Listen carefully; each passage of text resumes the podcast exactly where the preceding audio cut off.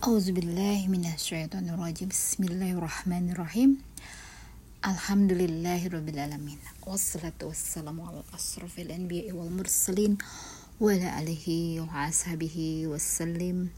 Assalamualaikum ya Rasulullah. Assalamualaikum ya Habiballah Alhamdulillah sahabat Villa Antil Zana Assalamualaikum warahmatullahi wabarakatuh. Alhamdulillah sahabat Villa saat ini kita telah ya alhamdulillah insya Allah kita memiliki pemimpin baru.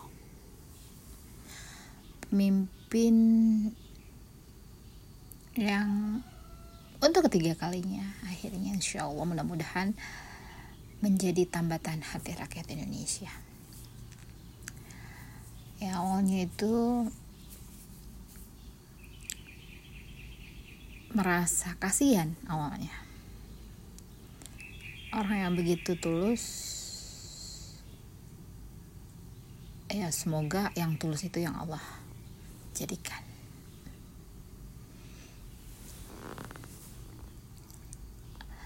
Saatnya untuk bebenah menjadikan Indonesia menjadi negara yang Allah berkahi tentunya dengan memegang prinsip-prinsip keadilan ya. Tentunya keadilan ini adalah orang yang memiliki ilmu dan memiliki tentunya terus mencari ilmunya terus mengasah hatinya agar dapat memutuskan hal-hal yang tentunya berkesesuaian dengan keinginan yang Allah kehendaki.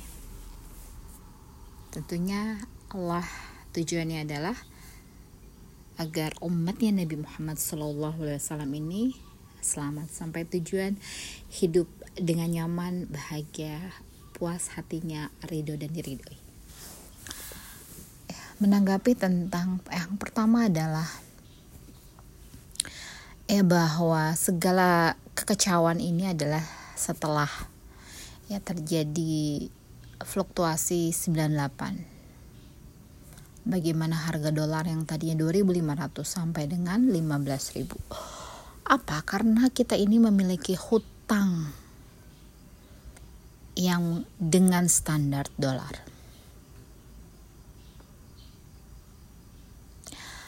eh hal ini yang membuat negara kita menjadi kacau. Dahulu pergi haji itu hanya 97 itu hanya 7 juta. Ya orang tuaku 97 berangkat itu hanya 7 juta. Selang lima tahun kemudian ya setelah 98 itu menjadi 20 juta lebih. Tentu harga yang dibayarkan ya lebih dari 300% kenaikannya ini karena kita bergantung dengan ya, mata uang dolar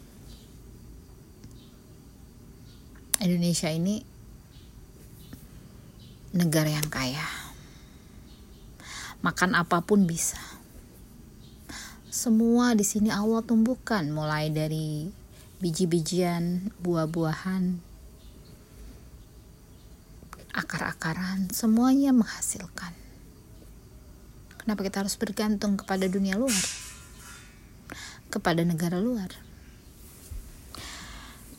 ya kita mulai harus bisa keluar dari ketergantungan terhadap dunia luar. Apa sih yang kita butuhkan?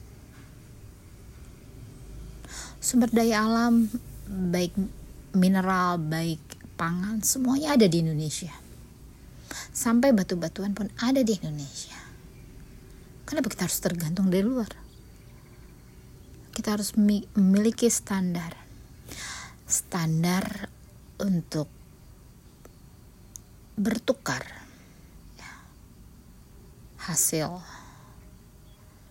dengan negara mana pun dengan memakai standar kita. Karena kita memiliki kekayaan. Mulai melepaskan sedikit demi sedikit dari jeratan riba karena membangun negara dengan hutang riba bukanlah hal yang barokah.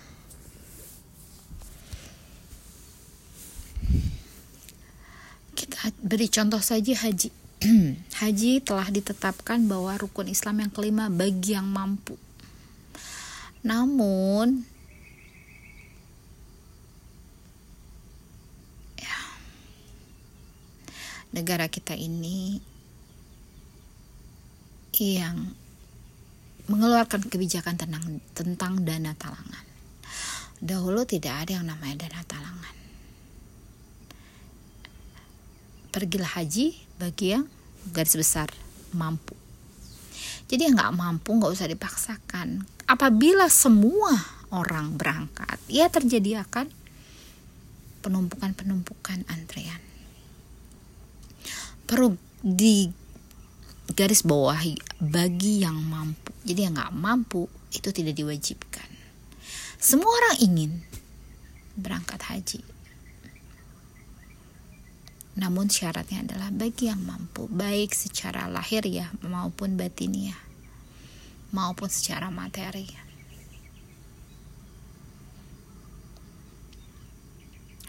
Ya mulailah menghapus yang namanya sistem konvensional ataupun dengan yang hubungannya yang tidak ada nilainya ya emas perak perunggu itu ada nilainya mau disimpan berapa tahun pun tidak akan lapuk tetap ada harganya kita menyimpannya di rumah 100 tahun kemudian masih berlaku apabila uang kertas disimpan di rumah 100 tahun kemudian apakah masih bisa dibelanjakan? Tentulah tidak. Namun apa? Segala peredaran uang itu memang kita harus menyimpan deposit dengan standar kekayaan yang kita miliki dengan emas yang kita simpan sebagai tukar dengan uang. Namun untuk di masyarakat hal ini ya apabila orang tersebut menyimpan uang lebih dari beberapa waktu maka tidak akan ya berlaku lagi, tidak akan bisa dipakai lagi.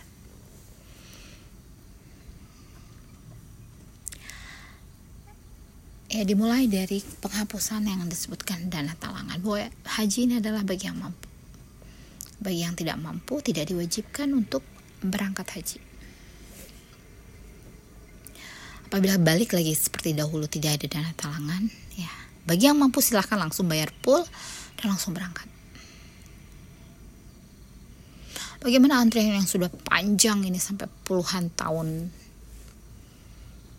Ya kita harus menghapuskan dulu kebijakannya yaitu tentang dana talangan. Setelah itu dihapuskan ya sedikit demi sedikit mudah-mudahan bisa di ya mulai ditertibkan. Eh, baik secara lahiriah, batiniah, serta materi. Orang tersebut bisa berangkat, maka itu yang ya kita tidak ya semua orang pasti ingin inginnya berangkat. Tapi Islam memberikan satu batasan untuk yang mampu, untuk yang mampu untuk segera ditunaikan. Dan semoga yang belum mampu untuk dimampukan Apabila semua orang dengan hanya dana 5 juta bisa mendapatkan porsi, tentulah akan terjadi pembeludakan. Apalagi kalau hanya satu juta, sisanya dibayarkan oleh bank dengan dicicil. Ya mau dengan sistem apa pun, karena ini adalah bukan sistem usaha. Artinya,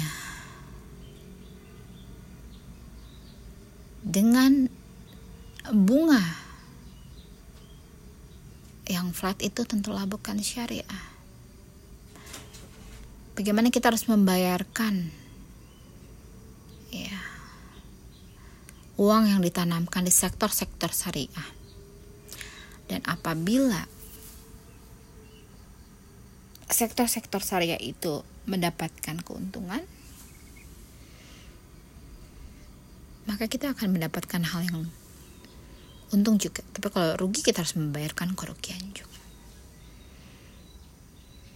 ya ini harus perlu di lebih ketatkan lagi tentang regulasi tentang bagaimana kita menentukan. Tapi tentunya adalah dasar dari hukum untuk pergi haji adalah bagi yang mampu. Apabila yang belum cukup untuk menunggu sampai dengan cukup. Jadi tidak terjadi antrian yang begitu membludak karena semua orang mendaftar haji. Yang mampu tidak mampu yang punya uang hanya satu juta rupiah bisa mendapatkan porsi antrian bagaimana ini tidak menganut dasar dari hukum yang Islam terapkan tentang pergi haji ini bagi yang mampu? Ya kita jangan berkutat dengan riba karena ini akan membuat negara kita akan melibatkan satu ketidakbaikan menjadi ketidakbaikan yang lain keburukan-keburukan yang lain kita harus memberikan ya diusahakan agar perputaran yang dihasilkan ini akan menghasilkan penerus-penerus bangsa, penerus-penerus anak-anak yang tumbuh dengan uang yang halal, uang yang barokah. Ya, mudah-mudahan sistem keamanan ya difungsikan. Ya, bagaimana petugas-petugas keamanan ini harus betul-betul bekerja, tidak hanya menerima gaji, tapi harus bekerja.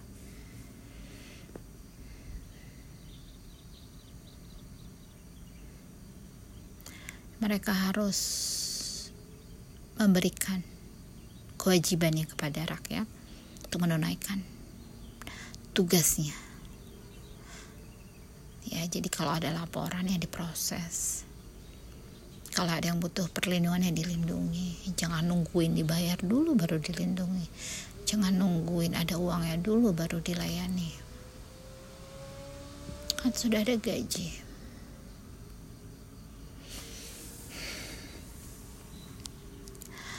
ya merubah sistem pondasi negara yaitu tentang keimanan.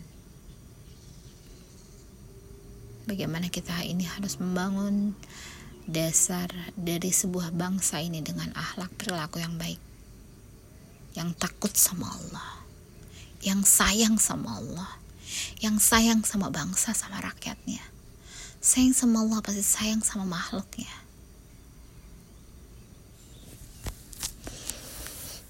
ya semoga ke depan Indonesia bisa menjadi negara yang menjadi sorotan semua sistemnya berjalan dengan lancar. Ya karena dengan pondasi keimanan yang kuat. Dengan asupan yang halal. Ya. Lepaskan dari cerat-cerat konvensional. Ya kalau belum mampu ya jangan dulu membangun.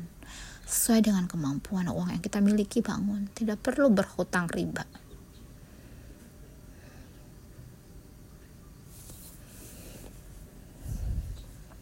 Apabila dimulai dari pondasi dengan mengenal Tuhan ya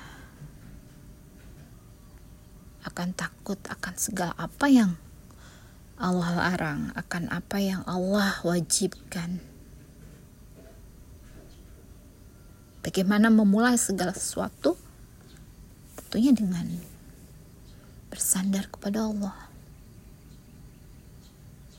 Menyelesaikan, menyelesaikan segala sesuatu dengan maksimal, optimal, persembahkan yang terbaik. Dan setelah itu berserah diri kepada Allah atas segala apa yang Allah berikan atas hasil yang kita harapkan dan kita mohonkan kepada Allah.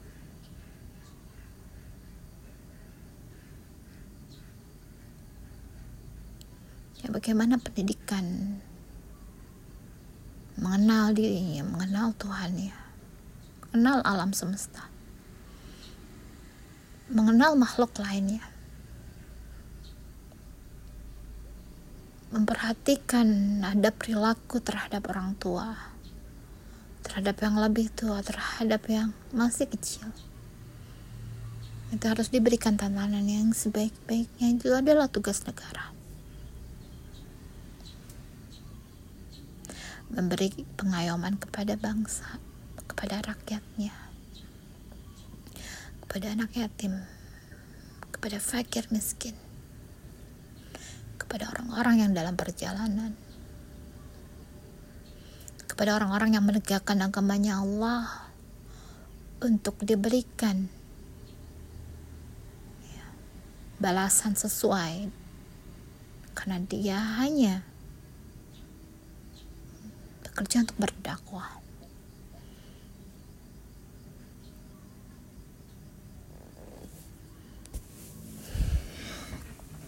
Bekerja untuk menegakkan agamanya Allah, untuk menanamkan fondasi dasar keimanan. yang akan mencerdaskan kehidupan bangsa, mencerdaskan dengan kecerdasan yang Allah berikan bukan kecerdasan intelektual yang menipu daya. Kecerdasan rohani. Bagaimana dia bisa memutuskan hal yang terbaik untuk dirinya, untuk sekelilingnya, untuk orang banyak.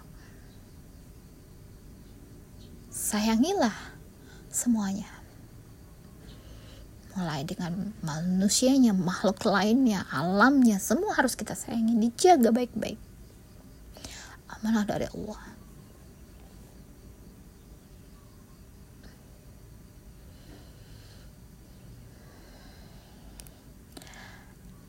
Indonesia memimpin maju terdepan untuk kebangkitan Islam subhanallah alhamdulillah Allah akbar.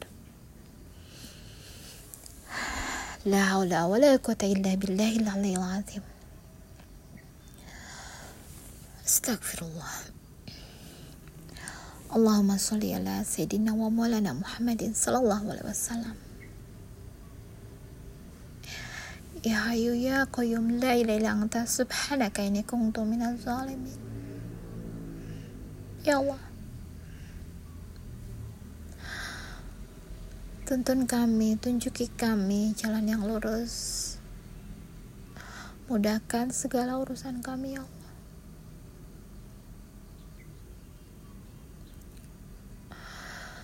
Lancarkan semua segala apa yang kami ingin capai dengan berlandaskan kepada Al-Quran dan contoh suri teladan. Nabi Muhammad Sallallahu Alaihi Wasallam beserta orang-orang soleh. Bimbing kami ya Allah. Sayangi kami ya Allah. Pandang terus kami ya Allah. Jaga kami ya Allah. Agar kami terus berjalan di jalan yang lurus. Agar kami mudah dalam menyeberangi jembatan surat al-mustaqim untuk kembali merajut pertemuan yang tak akan pernah ada tepinya. Selamat sampai tujuan. Subhana rabbika rabbil izzati amma yasifun. Wassalamualaikum warahmatullahi wabarakatuh. Bila taufik walidaya. Assalamualaikum warahmatullahi wabarakatuh. Wallahualam bisawab.